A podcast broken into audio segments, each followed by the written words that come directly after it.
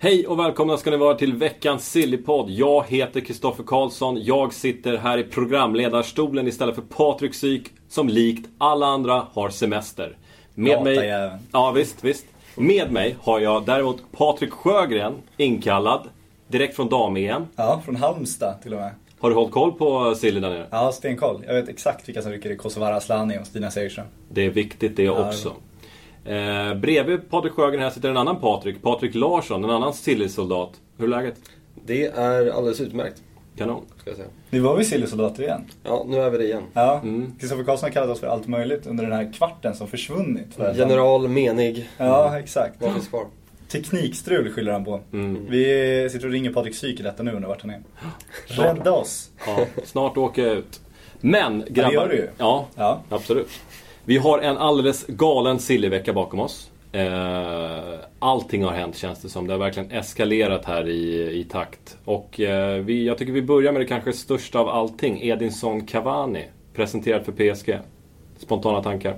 Det var kul att han kom till slut. Mm. Det tycker jag var roligt. Han dröjde ju, det var ett kul spel.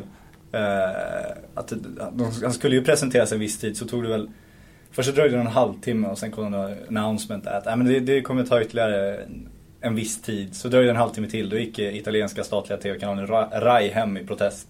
Mm. Så drog det ytterligare en timme och sen dök han till slut upp. Och då var det alltså Napolis president, De Laurentiis där, som satt och, och, eh, och lekte med trådarna för att de hade ju inte godkänt den där presskonferensen i Neapel. Så de tvingade alla i Frankrike att sitta och vänta på Cavani, vilket är fantastiskt. Alla i Fantastiskt Frankrike. småaktigt. Och alla som, eh, likt oss som jobbade den dagen, som satt och kollade på den där, de där två tomma stolarna i två och en halv timme i princip. Och De Laurentiis eh, gick ut på Twitter och snackade om att det här är absurda pengar, det är inte etiskt. Är han verkligen så missnöjd över att ha fått igenom den här affären som det låter när man läser hans tweets? Jag tror att han någonstans försöker rädda, rädda sitt ansikte mot Napoli-fansen. Att han gjorde allt han kunde för att stoppa det här. Och han gjorde ju egentligen Mm. allt han kunde. Han satte en prislapp som var, som var löjlig. Samtidigt kan man tycka att han borde satt en Messi-löjlig då, som Barcelona brukar göra. Att de sätter den där eh, obligatoriska utköpsklausulen på 1,9 miljarder eller någonting för att ingen ska kunna betala. Men han tyckte att 550 miljoner, det kommer ingen betala för Cavani. Det var han ju övertygad om. Sen eh, kom PSG och, och, och om den fotbollskartan. Så. Eh, men ja, han, jag tror ändå han är, han är nog rätt nöjd någonstans. För nu har han ju, vad var det, 1,2 miljarder att värva för själv påstår han. Vilket de ju Exakt. inte kommer göra. Nej. Och varför väljer Cavani PSG? Pengar, pengar. Pengar, cash is pengar, king. pengar. Och det är inte Eh. Johnny Cash den här gången. Nej, det är ju inte det. Eh, det är ju pengar och att han faktiskt kommer till ett lag som har större chans att vinna Champions League. Och faktiskt lär vinna ligan till och med, vågar man väl nästan säga. Vi får se hur det går med Monaco, men eh, han kommer ju till ett lag med ytterst bra förutsättningar. Och att han inte hade något val. Att, Ja. eh, det var ju den här utköpsklausulen. Real Madrid betalar inte så mycket, Chelsea betalar inte så mycket, Manchester City betalar inte så mycket för Edinson Cavani. PSG måste betala mycket, mycket mer än de andra. De vanliga europeiska toppklubbarna om man säger så. För att an- annars väljer spelaren den andra klubben. Om det inte handlar om pengar, om det är lika ekonomiska villkor. Nu betalade PSG utköpsklausulen, det gav dem exklusiv rätt att förhandla med Cavani eftersom ingen annan betalar så mycket. Och då hade Cavani valet då att ja, men antingen gå till PSG, har en minst lika stor chans att vinna Champions League, eh, får bo i Paris vilket är rätt schysst och får Mm. tre gånger så mycket lön kan man väl någonstans gissa att det är. Eller så stannar jag i Napoli och eh, då, det sportsliga valet, allt talar ju för Paris någonstans där. Trots att det är en sämre liga då, ryktes och Han har ju också så. en gammal kompis i eh, Lavezzi, Porto Lavezzi, som eh, spelar i laget. Och vem vet, det kanske är hans eh, Maxwell. Om man nu är en kompis, för det påstås att de har varit lite ovänner genom åren och det gick Jaha, rykten om okej. att Lavezzi lämnade Napoli på grund av Cavani. Vilket jag har svårt att tro med tanke på att PSG köper, köper Cavani nu. Det är väl kanske lite, lite monegasker som påstår det nu. Men det, det påstås det i alla fall, att de kanske inte har dragit jämnt alla gånger. Och hur kommer Cavani att trivas i Ligue 1? Ligue Han kommer nog trivas alldeles utmärkt. Jag tycker man har sett det att eh, flera spelare som har kommit har kämpat med. För det är, den är ganska, den är inte lika målrik och sådär som andra ligor. Men den är fysiskt väldigt krävande. Därför en spelare som Matuidi som springer livet ur sig varje match eh, kanske är så jäkla viktig. Eh, Cavani gör ju det också. Han slutar ju aldrig springa. Han kan ju springa sönder ett försvar i 90 plus 10 minuter och sen dra in en 20 meters liksom, i krysset. Så jag tror alltså absolut han kommer trivas som fisken i vattnet. Det är ju en stor skillnad mot italienska ligan där man lite skämtsamt kan säga att såna här Costa Curta och sådana kan lira till de är 40 år. För att det enda du gör i Italien, du ställer upp din backlinje längst ner så står du där. Eh, det gör du ju inte i Frankrike. Det är betydligt mer rock'n'roll i Frankrike. Så att, eh, men Cavani som du säger är ju en, en löpstark spelare som har det som en, en av sina attribut. Så att han passar ju väldigt, väldigt bra i Italien, eller Italien, i Frankrike. Mm.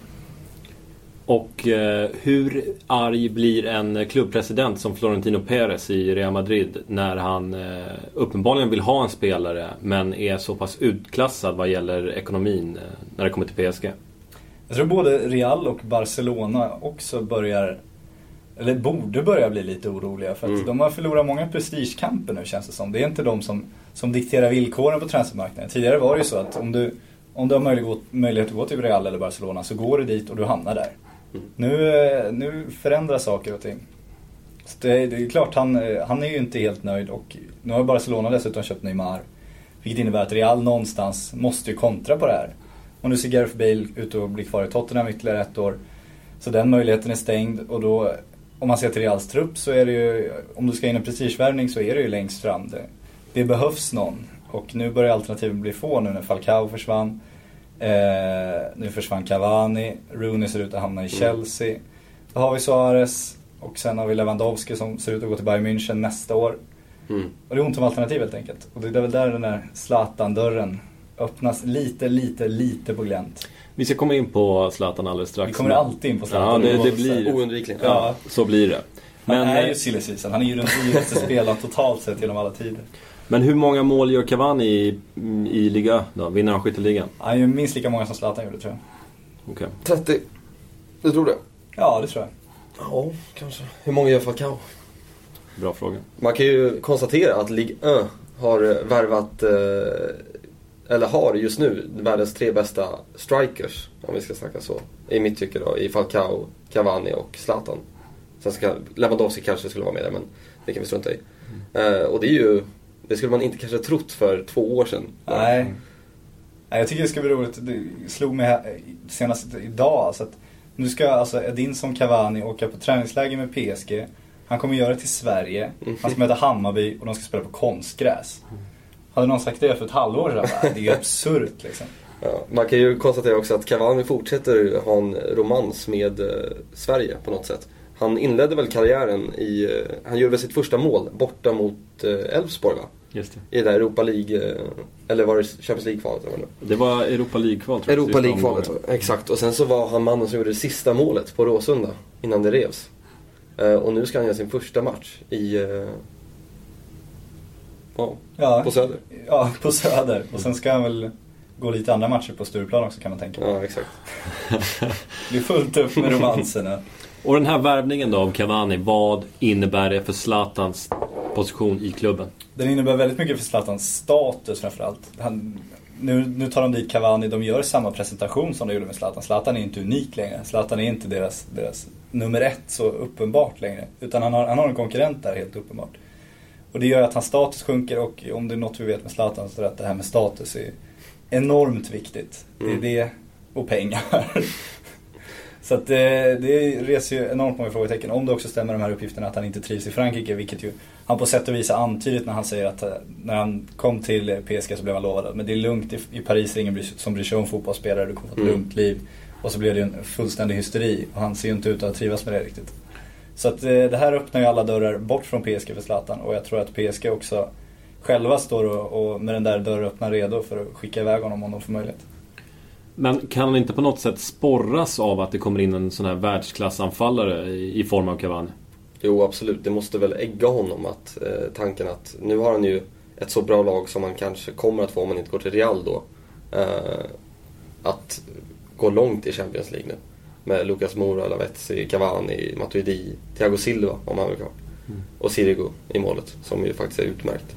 Så jag tror att det Ja, det känns som att man glömmer bort lite grann, mitt i alla Zlatan-rykten så glömmer man bort vilket sorts lag PSG skulle kunna vara om Zlatan stannar kvar och Silva stannar kvar. Mm, Absolut, ja man blir ju triad av att se hur Zlatan skulle fungera med Cavani. Det skulle vara enormt intressant för då hade ju Zlatan fått den här tillbakadragna rollen han, han vill ha, uppenbarligen trivs i och som jag tycker att han är fullständigt lysande i. Om man då får en riktig superstriker framför sig, vilket han, vi aldrig riktigt sett att han haft tidigare, så skulle det vara, jag tror det skulle kunna bli precis hur bra som helst. Samtidigt tror jag att om man ska titta på vad Zlatan verkar triggas av så är det ju inte, inte konkurrens utan det är ju hämnd exakt. jobbar med i första hand. Och det är svårt att hämnas på, på en klubbledning man spelar för så att säga. Så jag tror att eh, om man ska gå på den psykologiska aspekten tror jag inte han, han triggas till att, till att överträffa Cavani i PSG. Jag tror snarare han triggas till att bevisa för PSG att de gjort fel. Och det gör man ju enklast i en annan klubb då. Mm. Och när det snackas om Zlatan nu, för faktum var ju att det var ganska tyst om Zlatan eh, under början av den här silly season men eh, efter Ancelottis avsked så har det verkligen börjat eskalera vad gäller Zlatan. Det har ju främst snackats om tre klubbar. Vi har Real Madrid, vi har Manchester City och vi har Chelsea. Om vi ska beta av de här eh, klubbarna och sannolikheten i, i de här flyttarna. Om vi börjar i Real Madrid, vad, vad, vad tror ni spontant är, chanserna är att se Zlatan i Real Madrid? Ja, Jag skulle väl säga, eller en- enligt mitt tycke är det väl kanske 50-50. Det är så extremt svårt att läsa. Eh, Patrik, eh, den andra Patrik, eh, lanserade Andra? Ja, Snyggt. den första Patrik eh, lanserade eh, det här med att eh, ju längre fönstret går och ju längre det har tagit innan de har fått den här eh, Galactico-värvningen. Om de inte lyckas lösa någon så, ja, det kan ju kanske du dra som det Ja men så, så finns det ont om vi var inne på det att om Rooney är borta, eh, Lewandowski redan har klart med Bayern München till nästa år, Falcao har försvunnit, eh, Cavani är, är fast där nu. Då, då finns det ont om alternativ och de behöver en, en kille som liksom om Barca tar in Neymar kan inte Real Madrid inte ta in någon förutom några spanska spelare. Real Madrid måste ha en Galactico. Framförallt Mm. Florentino Perez för sitt eget eh, ego måste ha en Galactico. Och då, Zlatan är en Galactico fortfarande. Zlatan är en kille som har spelat i Barcelona. Mm. Det gör att han tillför en extra edge på det där. Tyvärr är Zlatan 32 år, annars hade han varit en, en solklar värvning för Real Madrid. Så jag tror absolut inte han är första valet, men som du sa nu. Om, om timmarna går ner, det, det är någon vecka kvar på transferfönstret, Real Madrid har inte löst det där. Zlatan vill bort, Zlatan är beredd att gå ner i lön för, att- för att komma till en sån stor, stor, stor klubb. Då tror jag att det kan hända. Då hoppar- dess tror jag inte det. Då hoppar Mino Raiola in i sin Batmobil och liksom Exakt. åker hemliga tunneln till eh, Madrid. Batmobilen har fått av Zlatan. Krävde på en bil av honom. Och vad säger spansk press vad gäller Madrid-kopplingarna? Eh, spansk AS var vi inne på i det här bortklippta segmentet vi kommer hänvisa till hela tiden Mm, som Kristoffer Karlsson har slaktat i sitt Det var inte tillräckligt bra. Nu har vi slaktat KK en gång till. Det kommer fler. Det kommer fler. Men AS var inne på att Ancelotti vill ha Zlatan men att han måste övertyga klubbledningen. Samtidigt så hörde vi av Johanna Frändén som vi jobbar med att eh, AS hade ringt henne då och eh, frågat då om det fanns någon svensk journalist som möjligtvis kunde bekräfta att Zlatan själv vill till Real Madrid. Som de då tänkte bygga sin story kring. Så det, det är ett tydligt tecken på att de har, har hittat på det här. Så där tror jag inte att det finns någon substans. Däremot så betyder ändå någonting att, att de jonglerar med Zlatans namn. Mm. För vi vet att det här är klubborgan, de hejar på Real uttalat, både AS och Marca som skriver om det här. Och det brukar finnas en anledning till att de skriver om just en spelare även fast själva storyn i sig inte Exakt. har någon substans. Om vi stänger Madrid-kapitlet då och går till det kapitlet som fransk press är inne lite mer på, Manchester City. Vad, vad, vad tror vi om det? Ja, det är väl samma sak där just det. Alltså, de får ju in Negredo nu.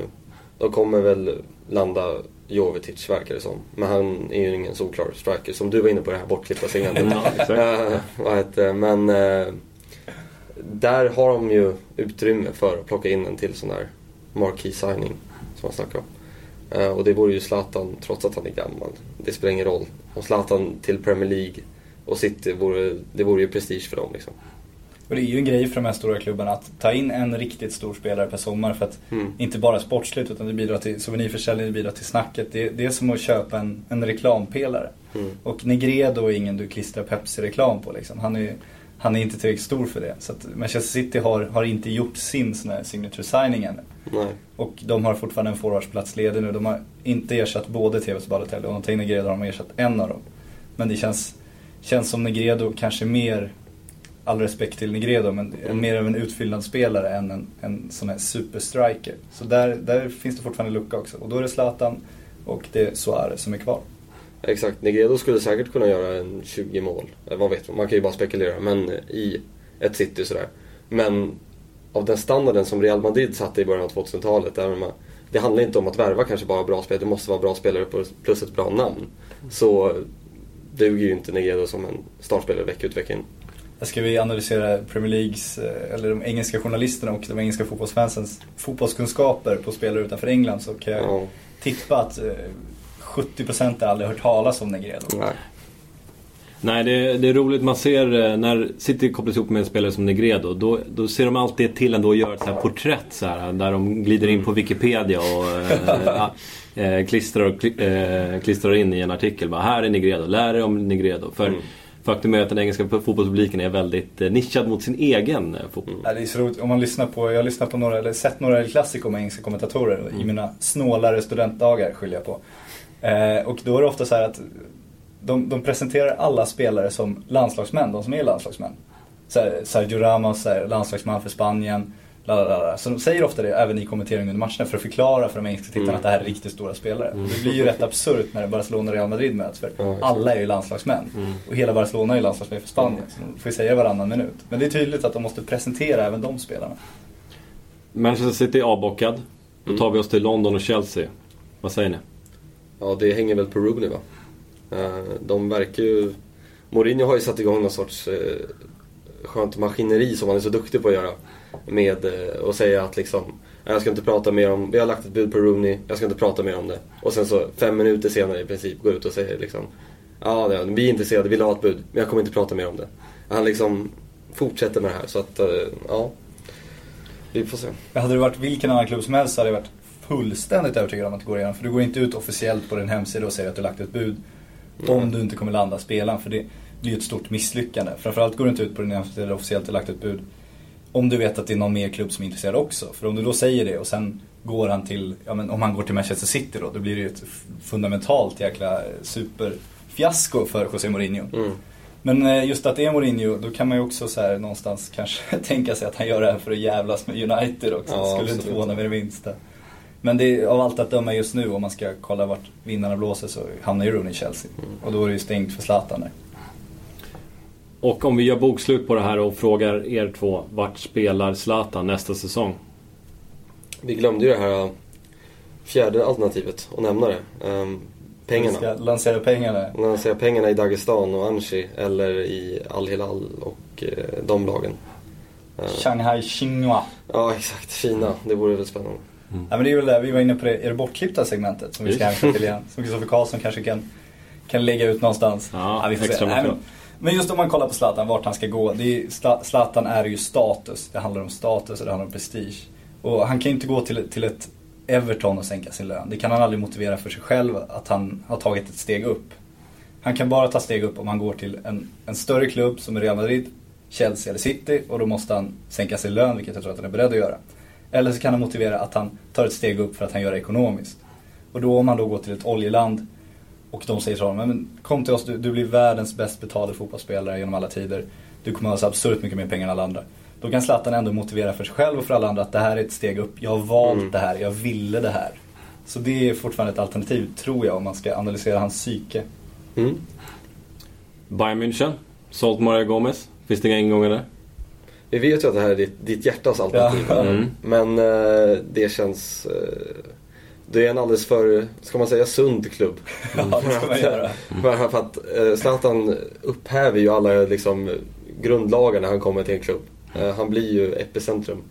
Eh, och eh, jag har extremt svårt att se att eh, de skulle vilja ha en sån figur. Och sen ska Pep Guardiola börja sin nya era med att ta in den spelare han misslyckas störst med Ja, av alla. exakt, det, exakt. Det, det känns fullständigt otänkbart. Men hur ersätter de eh, Mario Gomez då? Jag tror att de eh, framförallt letar efter spelare nu som, som kan tänka sig att vara den breddspelaren som Mario Gomez inte kunde tänka sig att vara. För det, Mhm. han, han kommer inte vara nummer ett. De har ju nummer ett, Mm. Mandzukic. Så de behöver ju ingen mer. Mm. Och då har vi ju Lewandowski som jag tror att nästan alla har bekräftat att han kommer komma till Bayern. Sen så han, han, handlar det bara om eh, när. I sommar eller nästa sommar. Om han inte kommer nu så fyller de ju på med en, med en kille som kan tänka sig att kanske bli tredje alternativ. Ja men Stefan. Kiesling, någon som liksom Ja. nickar in 15 mål per säsong. Liksom. Sen har vi sett Bayerns nya taktik, ska vi säga också. Den, den läckte ju på, på sociala medier här. Ska vi lira med en keeper, Emanuel Neuer, så har de Filip Lahm som då har pilar till höger och vänster, han tar hela backlinjen. Och sen är det resten mittfältare och sen ensam striker. Så det är så det sett ut på hur de värvat också. Det är ju Peps nya totalfotboll. Ja, exakt. Ja, ska vi glida in på Thiago där kanske? Du skrev en jag analys av det Sjögren. Eh, Vad, vad, vad tycker du om den värvningen? Jag tycker att det är eh, eh, kapitalt misslyckande av eh, Barcelona och eh, en ofattbart bra affär av Bayern München.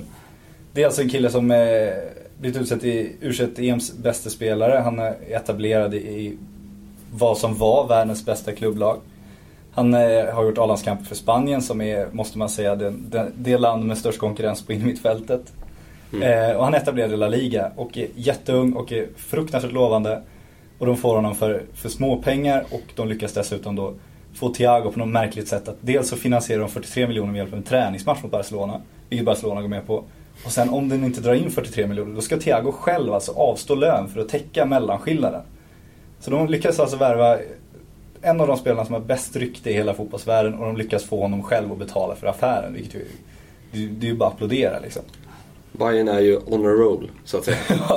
Det kan man spika fast. Ja, Bayern dominerar just nu. Ja. Barcelona, de hade ju Thiago. De har haft, jobbat med honom i flera år för att han ska bli den nya Xavi. Han ska, ska kliva in där och jag tror fortfarande de hade den planen. Och sen har de satt in den här utköpsklausulen vilket ju är så slarvigt så att det finns inte. Att den aktiveras då för att han inte gör tillräckligt många matcher för mm. A-laget. Och då kan man ju ifrågasätta, alltså, kunde inte Barcelona när de, när de säkrar segern borta mot Albacete liksom, slänga in Thiago 10 minuter i sådana matcher? Ja. För att liksom bygga upp den kvoten bara. Istället så hamnar de i den här situationen och så kommer Bayern München och, och tar honom trots att Barcelona vill behålla honom. Vilket ju också visar vilket maktskifte det skett mm. nu. Jag tycker det är viktigt att nämna också att Bayern är ju självförsörjande som klubb också. Det är ett sunt eh, ekonomiskt bygge. De, de kommer liksom inte hamna i några financial fair play, fair play eh, besvär. De kommer liksom... Eh, man ser ingen riktigt stopp på det tåget. Däremot, Lite obehagligt och trevligt. Liksom. däremot undrar man vad Thiago tänker. För jag tycker att han gör, han gör väldigt, väldigt fel.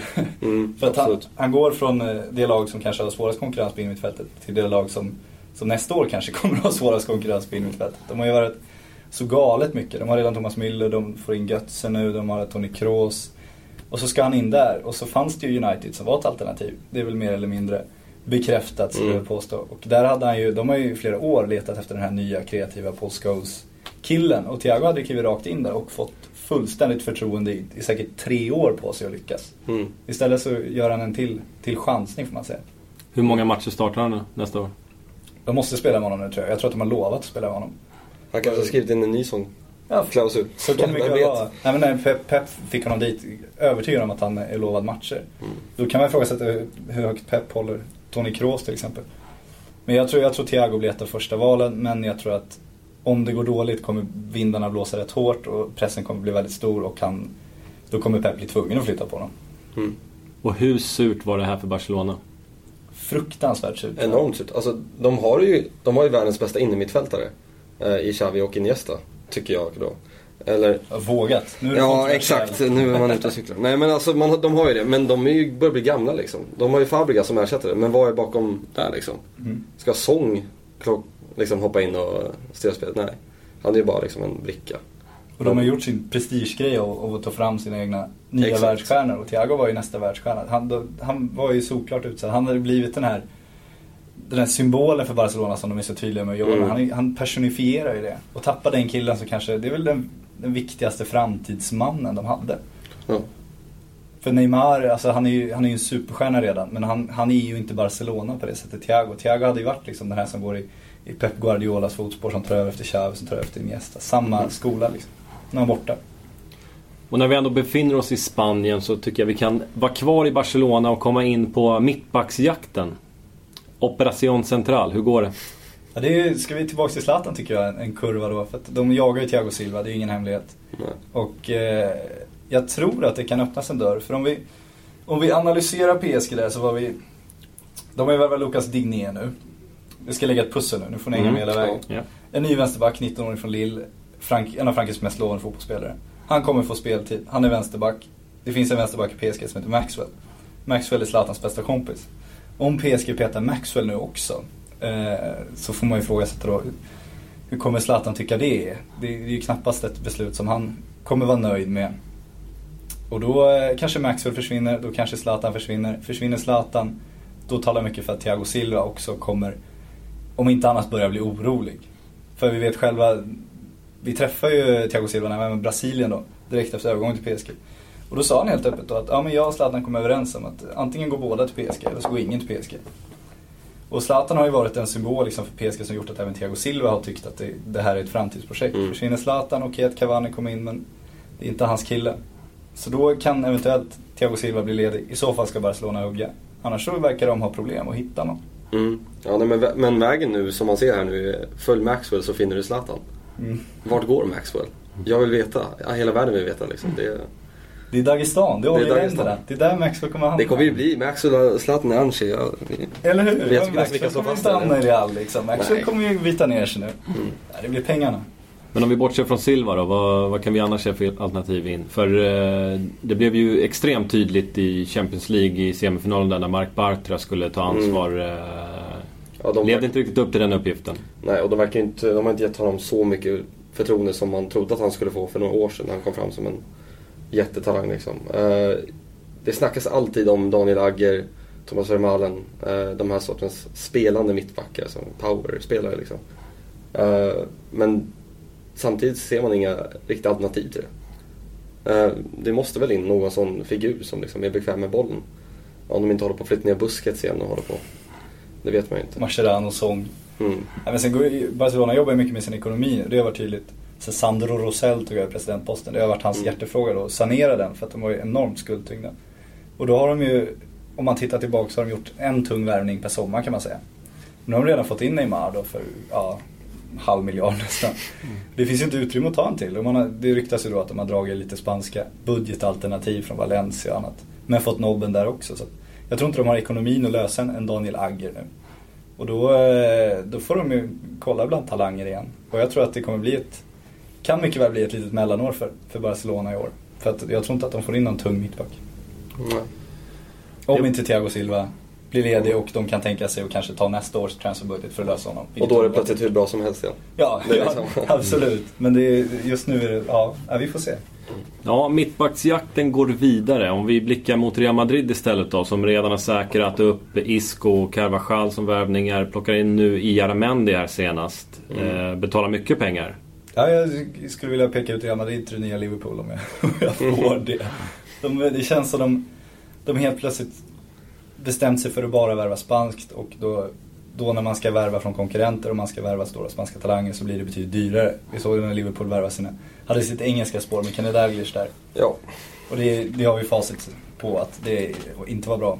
Så jag tror att Real eh, överbetalar för vad de får. Mm. Vet, vet i fan varför de gör det om jag ska vara ärlig, för de har ingen spansk tränare nu. Nej men de vill väl hitta den där um, touchen av någon, något spanskt igen och ja, det är ändå okej värvningar.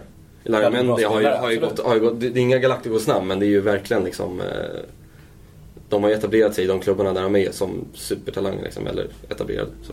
Ja, Iaramendi har en stark säsong i Sociedad bakom sig. Var med i det spanska u landslag som gjorde succé tillsammans med Isco då. Mm. Så det är en ung kille.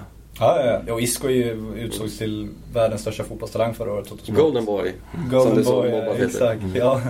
Det låter som något. Vi ska inte säga vad det låter som. Nej. Nej men det är just att de, det känns som att de betalar lite överpris för det de får. För att Real, bygg, Real är inget lag som bygger på fyra års sikt. Real Madrid ska ta titeln nästa år, varje år. Mm. Så att det, det är inte det de värvar för nu. Och vi vet också att de kommer inte få fyra år på sig att bygga det här laget. Fansen kräver ju framgångar direkt och jag tycker att med tanke på det de betalar får de inte den kvaliteten nästa år. Om vi kollar på Iaramendi då, defensiv mittfältare. Hur många matcher startar han nästa säsong? Ja. I är- konkurrens med Alonso och Kedira. Ja, han är väl den tydligaste backupen till eh, ett sånt där mittfält som man kan få. Och han är väl säkert jättenöjd med att komma dit ändå liksom. Det är, ja, det, han får väl nöja sig med inhopp helt enkelt. Ja, det snackas om att han är nya Xabi Alonso, men Xabi Alonso, det behövs ingen ny Xabi Alonso än. Nej, han kan ju jogga på som Pirlo har gjort i många år till. Och man kan väl säga lite grann att det är en maktdemonstration från Real Madrid eh, vad gäller inhemsk fotboll. Att eh, Sociedad vill inte sälja Iaramendi och då säger Real Madrid, nej men okej, då, då tar vi klausulen då. Inga Ja. problem. Mm, exakt. Då kommer pengarna in. Och Isco var ju också en, otrolig prestigevärvning. Trots att han, han eh, är väldigt ung fortfarande, inte Mm. den super, super, superstjärnan. Men han var ju en kille alla ville ha. Ja, där har vi ju en lite Galacticos värvning i smyg nästan. Ja. Eftersom han kommer bli den Galacticon liksom. Mm. Som alla vet. Vi stannar i Madrid. Vi åker till Atletico istället. Konstaterar att de har säkrat upp David Villa Mm. framför bland annat andra Tottenham. Vad säger ni om det? Ja, Vad var det för trans? 42 miljoner var de snackade om. Ja. Det kommer någon rolig, någon rolig nyhet där. Det var någon som hade listat ut att eh, Real Madrids Cristiano Ronaldo, hans via, alltså hans villa, hans hem, är dyrare än Atletico Madrids via, i David Villa. Så. Ja, Var det en göteborgare eller något Nej, jag vet inte. Göteborgare i Spanien. Vad är Spaniens Göteborg? Kanske är Madrid. Ja. Nej, det, det för det priset är det ju en supervärvning. Alltså okej att han har skadeproblem och sådär men får du en sån kille för 42 miljoner så, jag satt och glodde på någon gammal, om det var VM-krönika eller EM-krönika eller vad det var. Och man såg han när han var på topp där innan han gick till Barcelona. Alltså, det är ju en absurd kvalitetsspelare. Ja. Han var ju världens bästa anfallare ett tag där. Han spelade i Valencia och var som bäst. Eh, Han och eh, kille som Torres, när han var bra. Ja. När de liksom, de här renodlade spanska strikersen. Som liksom bildade tvåmannaanfall som bara liksom sprang överallt. Liksom. Jag tycker det är sorgligt, han gick ju till Barca så hamnade i den här dödens väntrum som är vänsterkanten i Barcelona. Thierry Henry slösade bort sin talang och det är David Villa också har slösat bort sin skulle jag påstå. Mm. Ingen som lyckats där ute till vänster. Men han fick vinna Champions League. Det fick, han fick några titlar som man kan visa för sina barnbarn. Det var väl Exakt. därför han gick dit också. Ja. Så nu, men det är kanonvärvning, superköp. Jättekonstigt Barcelona återigen att släppa honom till det priset. Så jag Mm. förstår, det. Barcelona, Där ser jag faktiskt inte logiken. nej. Okej men, eh, okej om, de, om han ville flytta, absolut. Men han hade ju Tottenham som alternativ. Och om de betalar mer så finns det ju, även fast David via själv ville stanna i Spanien så är det ju upp till Barcelona att acceptera vilka Mm. som bud liksom. Ja, jag kan, ju- kan inte tänka mig att Tottenham liksom bjöd så lite som 42 miljoner. De var ju lätt över 100 miljoner, det är jag fullständigt övertygad om. Och då är det bara att säga, ja men det är Tottenham som stannar. Jättemärkligt gjort. Mm. Och om vi snackar eh, låga pri, eh, transfersummor där och tar oss till Italien istället och Napoli. Kan vi konstatera att de har eh, en hel del pengar att värva för nu va? Han snackar väl om 1,2 miljarder deras president där. Det kommer Och twittrar om det. Ja, det kommer han ju aldrig betala. Det, det kan man ju vem som helst ut. Men han är ju pressad. Han måste ju ersätta Cavani annars kommer det bli folkstorm. Och, och de folket där, de, de kommer inte med, med, med arga plakat. De kommer med, med kniv och påkar. Ja, exakt. erfarenhet. Så. Det är lite roligt där. Han går ut och säger att han har miljarder att spendera. Och det första de eh, ryktas jaga är Marco Borriello. Detta sorgebarn. Marco Detta vackra sorgebarn. I alla italienska klubbar snart. Ja, exakt. Fantastiskt. Olat mustasch. Men samtidigt så öppnar han, eh, eller så berättar han också att de förhandlar med Iguain och eh, Damiao. Ja. Och det verkar som att temat här lite grann den senaste veckan har varit engelska klubbar som snuvas på spelare här. Eh, Damiao som kopplats ihop med Tottenham och Iguain. Erik Niva har ju drömt om Damiao i vad är det, fyra år nu känns det som. Sitter alltid och skriker varje transferfönster. Damiao, Damiao! Gör han aldrig. Ja, nej, så han... Här är, menar alltså De Laurentiis att man förhandlar eh, om, eh, om Damiao och Iguain. Och vad...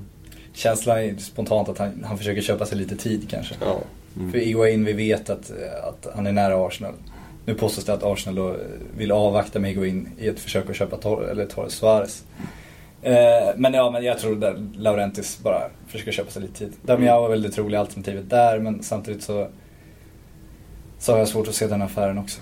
Ja, de har ju misslyckats med sina sydamerikanska värvningar förut. När de har plockat in Edu Vargas. eh, Denna supertalang vars enda tre mål han gjorde i klubben. Jag tror det var hans enda tre mål i alla fall. Var när AIK kom på besök och han gjorde hattrick liksom. Och så gjorde han inte ett enda mål över det. Och såldes tillbaka till liksom Sydamerika. Och vad, vad säger vi om de uppgifterna som Marca kör idag då? Att Real Madrid höjer sin prislapp på Iguain. Han kostar 40 miljoner euro nu, alltså runt 350 miljoner svenska.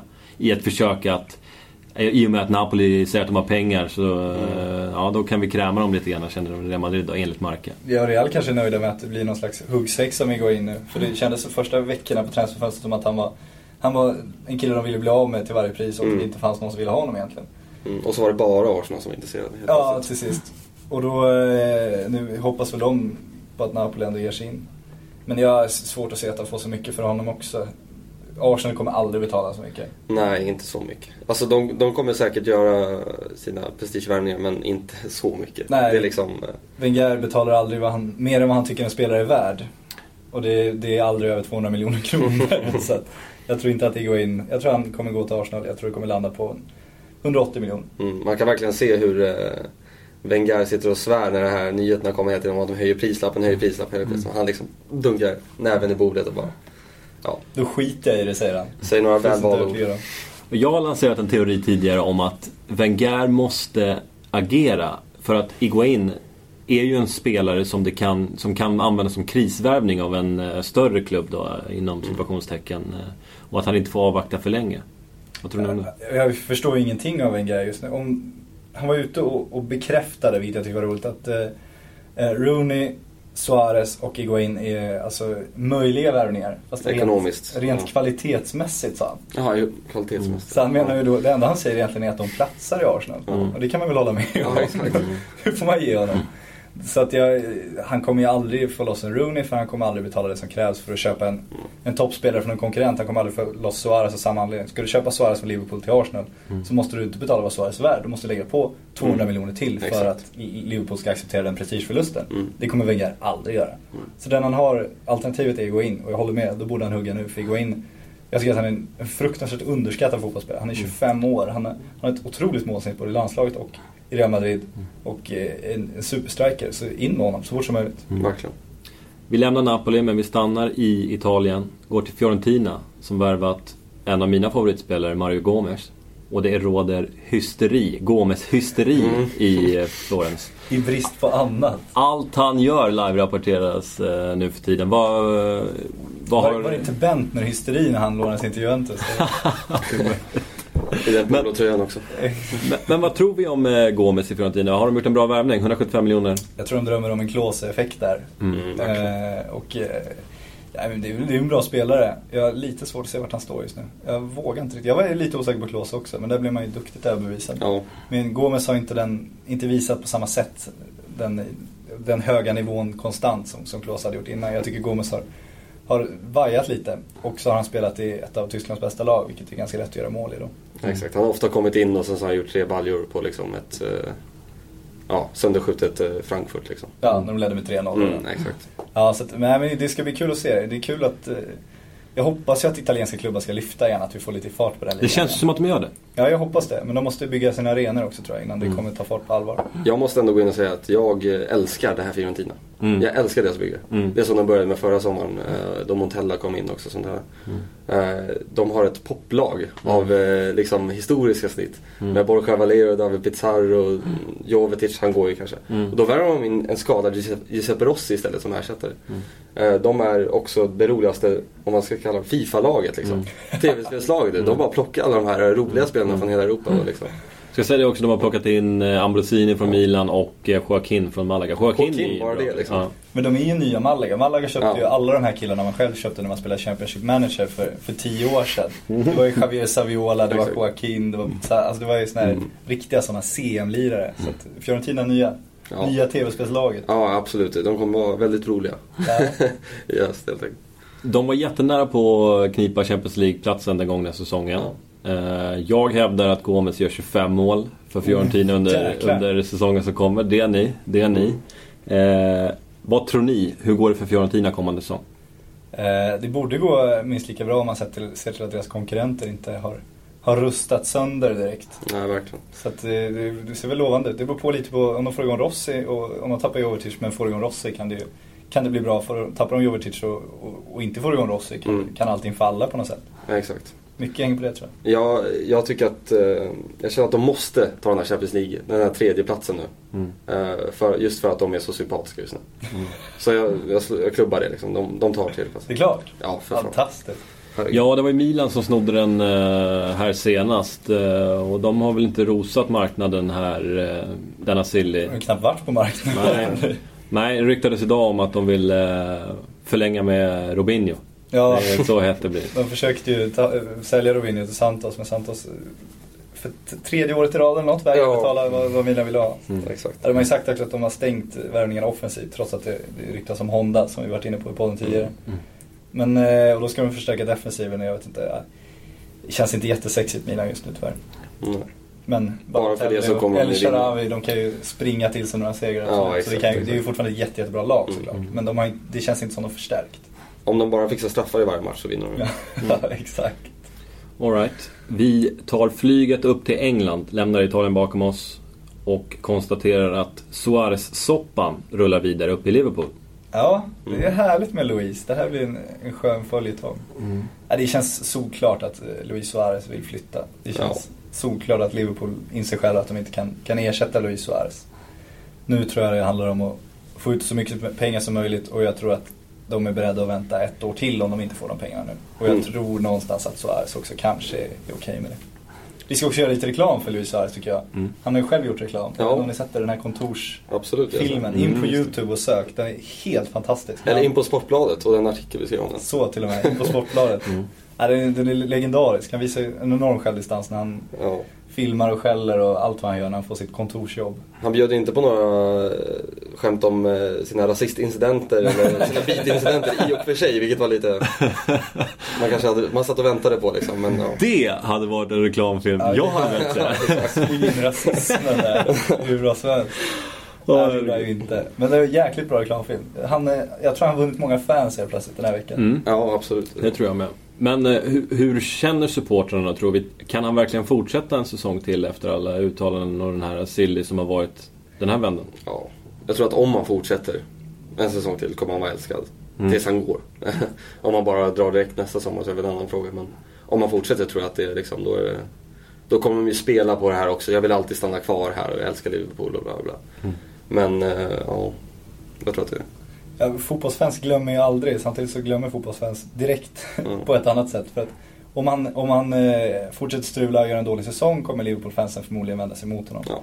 Om han gör mål direkt, då räcker det att han säger det här. Ja, jag har alltid älskat Liverpool, jag vill aldrig gå. Så kommer folk, för allt, alla Liverpool-fans kommer för alltid bara, de kommer helt glömt den här sommaren. kommer inte ha inträffat, de kommer glömt bort de där citaten. Det var medias fel. Så det är otroligt lätt för honom att vinna tillbaka dem tror jag. Och det känns inte som de har vänt honom ryggen heller, för att de vet att Luis Suarez han är inte större än Liverpool, det är ingen spelare. Men han är, är så nära större än Liverpool man kan komma just nu tror jag. Han är ju inte Robbie Fowler liksom. Men han är... Men han är så bra så att de inser att de måste ha honom. De måste ha kvar honom. Mm.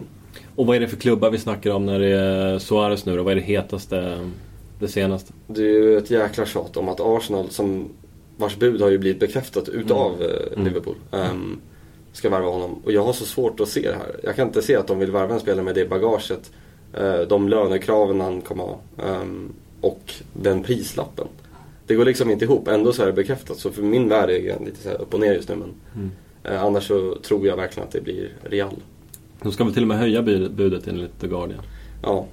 Och ja. Men vi vet ju hur Gary jobbar varje sommar också. Han inleder ju sommaren med att säga men nu, vi har, vi har jättebra ekonomi, jag har jobbat här i flera år, nu har vi råd att investera tungt.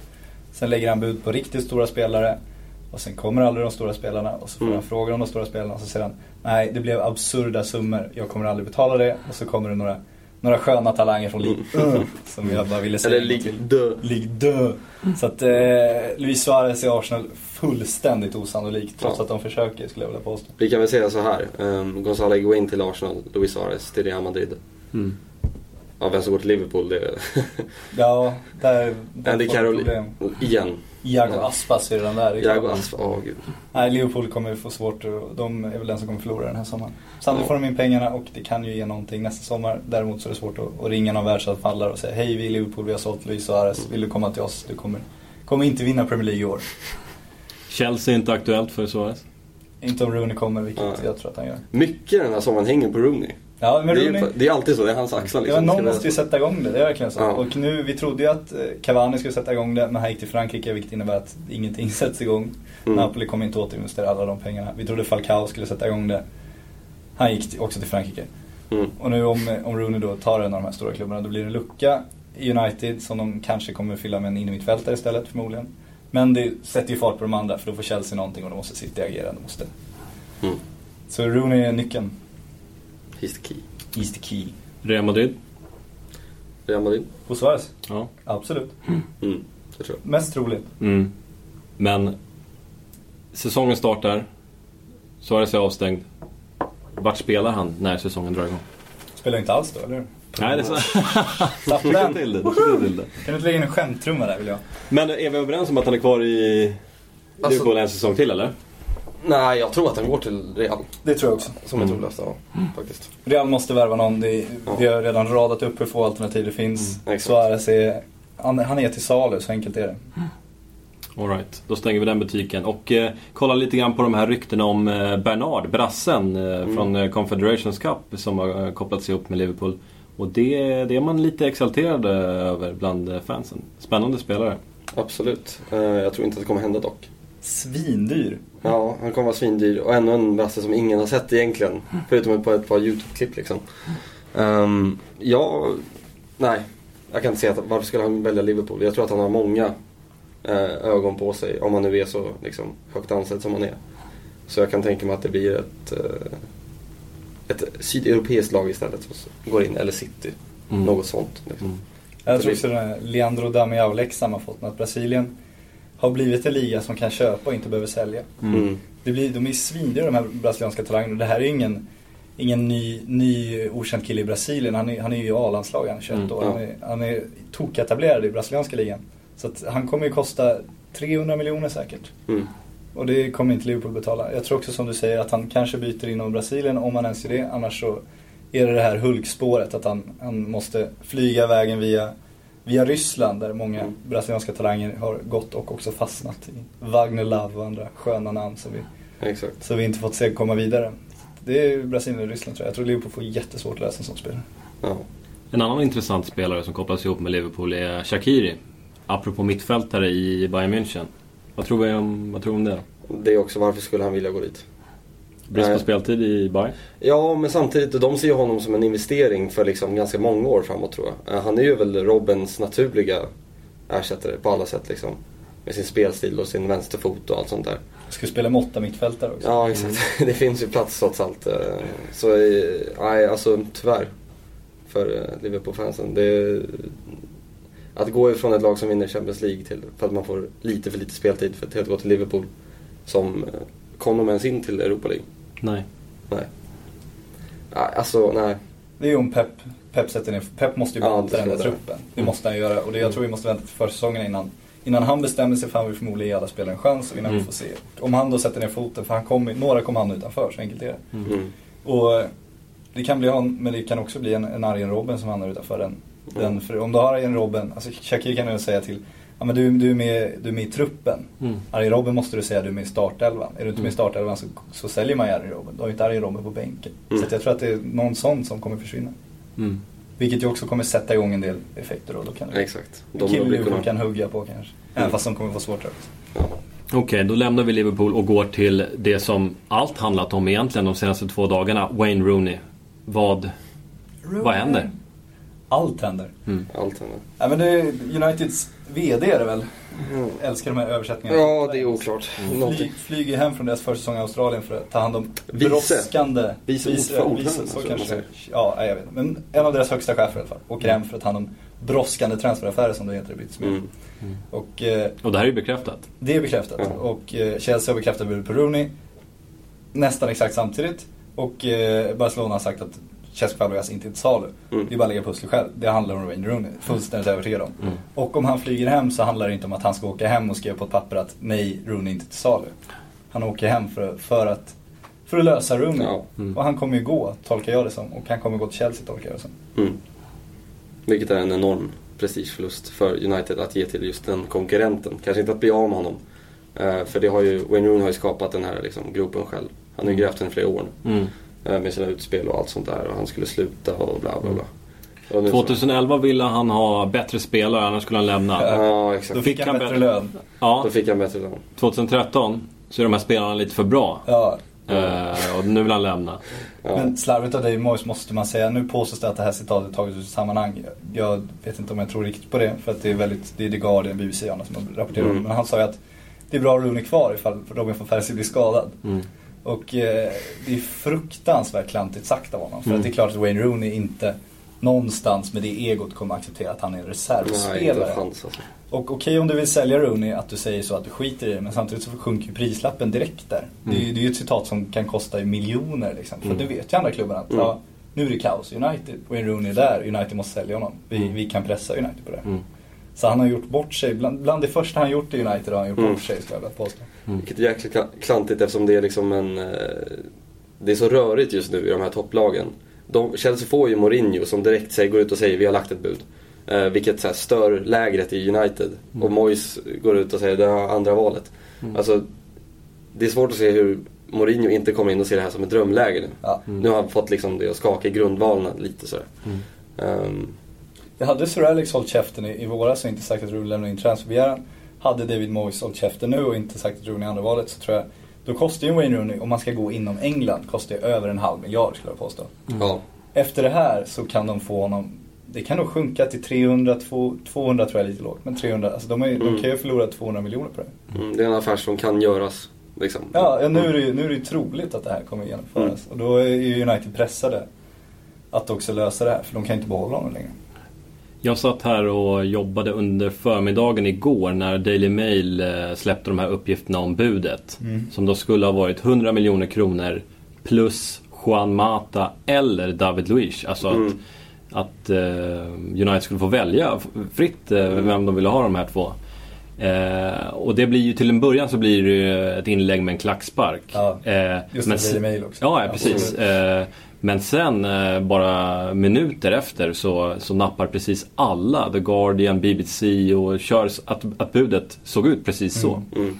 Eh, nu förnekar ju Chelsea att eh, det fanns spelare i, det är väl inte så snyggt. Nej, Eh, mot spelarna. Chelsea Precis. måste ju förneka. Nej. Annars kan de inte ha kvar David Luiz och Juan Mata. Det är ju som att säga till Rooney, du är andra valet. Det är ju Mm. som att säga till Juan Mata och Luiz, då, äh, vi försöker byta bort det. mm. Så om vi antar att det här budet faktiskt såg ut som det gjorde, varför nappar inte United? Jag, jag förstår det helt fullt. Alltså, Okej, David Luiz. Eh, hade de fått in honom, det är en bra mittback. Men de hade samtidigt då, med 100 miljoner kan du inte ersätta Wayne Rooney. Så det förstår jag. Juan Mata hade kunnat bli en slags ersättare till Rooney. För att du har ju Robin van Persie på topp. Du har Chicharito och du har en Welbeck. Du har bra anfallare redan. Det är lugnt där. Så de behöver ju egentligen en central, en kreatör. Och det hade Juan Mata kunnat vara. Men om du hade tagit Juan Mata, då hade du släppt en av dina största profiler, Wayne Rooney. Och du hade gjort det på Chelseas villkor. Mm. Det var så uppenbart att det var Chelsea som dikterar villkoren. Och den prestigeförlusten är så stor så att det inte är värt det skulle jag vilja påstå.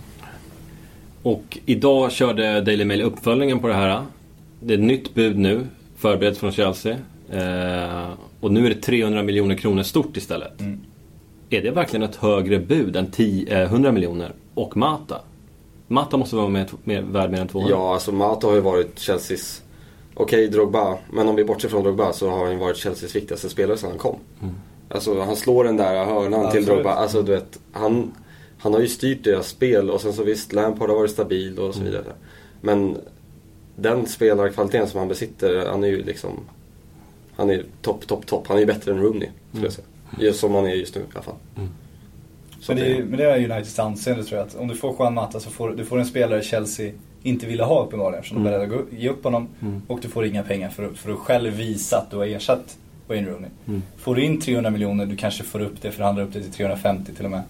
Då kan du säga att ja, men vi, vi fick så bra betalt för Wayne så vi inte kunde säga nej. Vi tycker, att, vi tycker inte att det är värt de här pengarna för oss. Liksom. Vi, vi är mer intresserade av pengarna och du kan då gå in och köpa en ersättare som du själv tydligt visar att det här är en kille vi ville ha. Det var här var vår plan. Mm. Du har ditt anseende i, i behåll liksom. Mm. Tar du in Juan Mata, du får in en kille som är värd mer, mer än 200 miljoner, absolut. Men du får in en kille som Chelsea har gett upp. Du får in liksom deras, de har styrt din affär. Mm. Mois, 16 dagar på jobbet. Eh, han har det ganska tufft. Det är, inte, det är inte världens enklaste jobb att ta över efter Sir Alex Ferguson. Det visste vi på förhand. Eh, men eh, ja, det, det ser ju inte ut att ha varit en drömstart för Mois direkt. Och, eh, värvningar. Han måste ju ha in någon på in i mittfältet nu. Det har ju varit dags i flera år. Och, Ja, och de tappar ju, de fick, in, fick inte Thiago nu och så påstås det att de försökte med Fabregas. Mm. Och då har de ju gett upp möjligheten själva genom att Thiago då försvann ändå. Så att, och att de inte fick honom. Så att Exakt. Barcelona säljer ju inte Fabregas efter att ha tappat Thiago. Nej. Så Det är nu, men då är det bara att gå igenom alternativen. Då landar ju alla till slut, om man tänker logiskt, på Marouane Fellaini. Mm. Det är ju där- där man hamnar. Exakt. Och då blir det dyrt. Ja, då blir det dyrt och han är inte den här kreatören heller. Sådär. Han är ju den här fantastiska spelaren, men han är ju inte en Thiago. Nej. De är så långt ifrån varandra som man kan komma. Men pengarna där igen.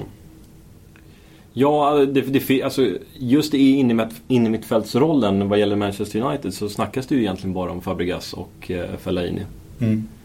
Om Fabregas då sitter fast så det känns troligt att de ändå kommer försöka med Fellaini. Ja. Det är ju en kille Moise känner minst sagt. Så att, och om de får loss de här Rooney-pengarna då, då kan de ändå kosta på sig och, och bjuda en 300-400 miljoner. Utan att det blir en, en, en stor lucka ekonomiskt eftersom de Mm. finansierar med hjälp av Rooney. Så då skulle de ha råd och jag tror inte att Everton skulle säga nej till det. All right.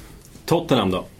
Jakten på anfallare. Det har hetat att man ska... Den eviga jakten ja, den, den, anfallare. den rullar vidare. Vissa jagar mittbackar, andra jagar anfallare. Tottenham har hetat att ska ha två stycken den här sommaren. Man vill ju se Erik Niva framför sig nu för när- han sitter, han sitter ändå hyfsat rakt ibland och sen tar man upp sig man Tottenham anfaller och sjunker han liksom 20 cm ner i stolen och sätter på den här skölden av liksom så här. Han blir frustrerad bara. Det har varit många namn. Det har varit Damiao och det har varit eh, David Villa snuvad där och eh, Benteke nu senast. Mm. Vad Och tror känns Troligast nästan nu, som det ser ut. När han lämnar in sin transferbegäran skriftligt så att klubbarna måste gå ut med det så här. Så trevligt gjort. Ehm, och han är ung ändå. Eh, att, ja, jag tycker det känns eh, nästan naturligt att det liksom klaffar. Ja, det är väl där det landar men det är ju inte Benteke som, som visar för Gareth Bale att vi fortsätter satsa mot Champions Nej. League. Ja, ja, in och skopa, Higuain, hugg honom. Mm. Ja, varför inte? Ja, det är alldeles för ensamt eh, vad gäller Arsenal där. Jag Ja. tycker ändå att Tottenham ska ge dem en fight. Absolut. Ja, jag håller med. Mm. Det skulle bli ett precis köp. Verkligen. Inte bara för att det går in då, utan om de lyckas sno honom från Arsenal så visar det ju ändå Mm. tydligt att nu är vi, vi är inte bara topp 4 utan vi börjar liksom peta ner de här små topp 4-klubbarna nu. Mm. Det är rätt mäktigt. Absolut. Och ja, vad gäller Arsenal då? Wenger. Ja, Yahya Sonogo. Jag är som, som Han har en skatta, skattkista med pengar att värva för men eh, har tagit in uh, Sonogo på en free som man säger i England. Vad, eh, när ska det börja spenderas pengar? Va, när ska Wenger få tum, tummen ur? Wenger kommer aldrig få tummen ur. Nej.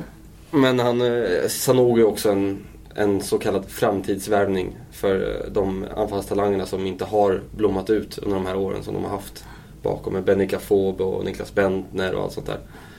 Vi, vi får se. blommat ut, han är lysande. Men just nu är han så extremt underhållande. Så det, absolut, så han kan ju bli entertainer i framtiden. Men eh, jag tror ändå att eh, Arsenal och Arsene kommer att agera. Eh, vad de kommer att agera på, förutom att gå in, vet fan. Men eh, det känns ju som att om man någonsin ska få tummen ur, som du så fint eh, sätter det, så Mm. då är det nu. Får, jag, får jag döma ut dig fullständigt så, Det får du jättegärna. så tycker jag det, det är lite naivt tycker jag framförallt av Arsenal-fansen varje, varje vår att gå på det här snacket Mm. om att nu, nu ska det spenderas, nu kommer vi köpa de här dyra, åh han lägger ut på Suarez. För om man krasst ska se på det, vi har ju liksom sett hur, hur det har sett ut. Det har ju sett ut likadant varje sommar. Mm. Han, han tar de här spelarna han tycker att han betalar rätt pris för, det måste man någonstans beundra. Mm. Men det betyder ju också att du inte får de här största prestigevärvningarna för att då måste du, du måste betala mer än vad de är värda, så enkelt är det. Mm. Och nu när även Frankrike har klivit in på Mm. marknaden och, och ryska klubbar har börjat ta de här, alltså det blir mindre och mindre alternativ för Arsenal. Så de får ju gå längre och längre ner i den här hackordningen innan de hittar sina spelare som, som man kan få för vad de är värda då. Vilket Mm. uppenbarligen är noll kronor då på Yahya och Ja, exakt. Så jag, jag tror inte att han kommer ta någon prestigevärvning alls. Han kommer eventuellt få någon spelare som blir en, en budgetvärvning som måste bort från något lag.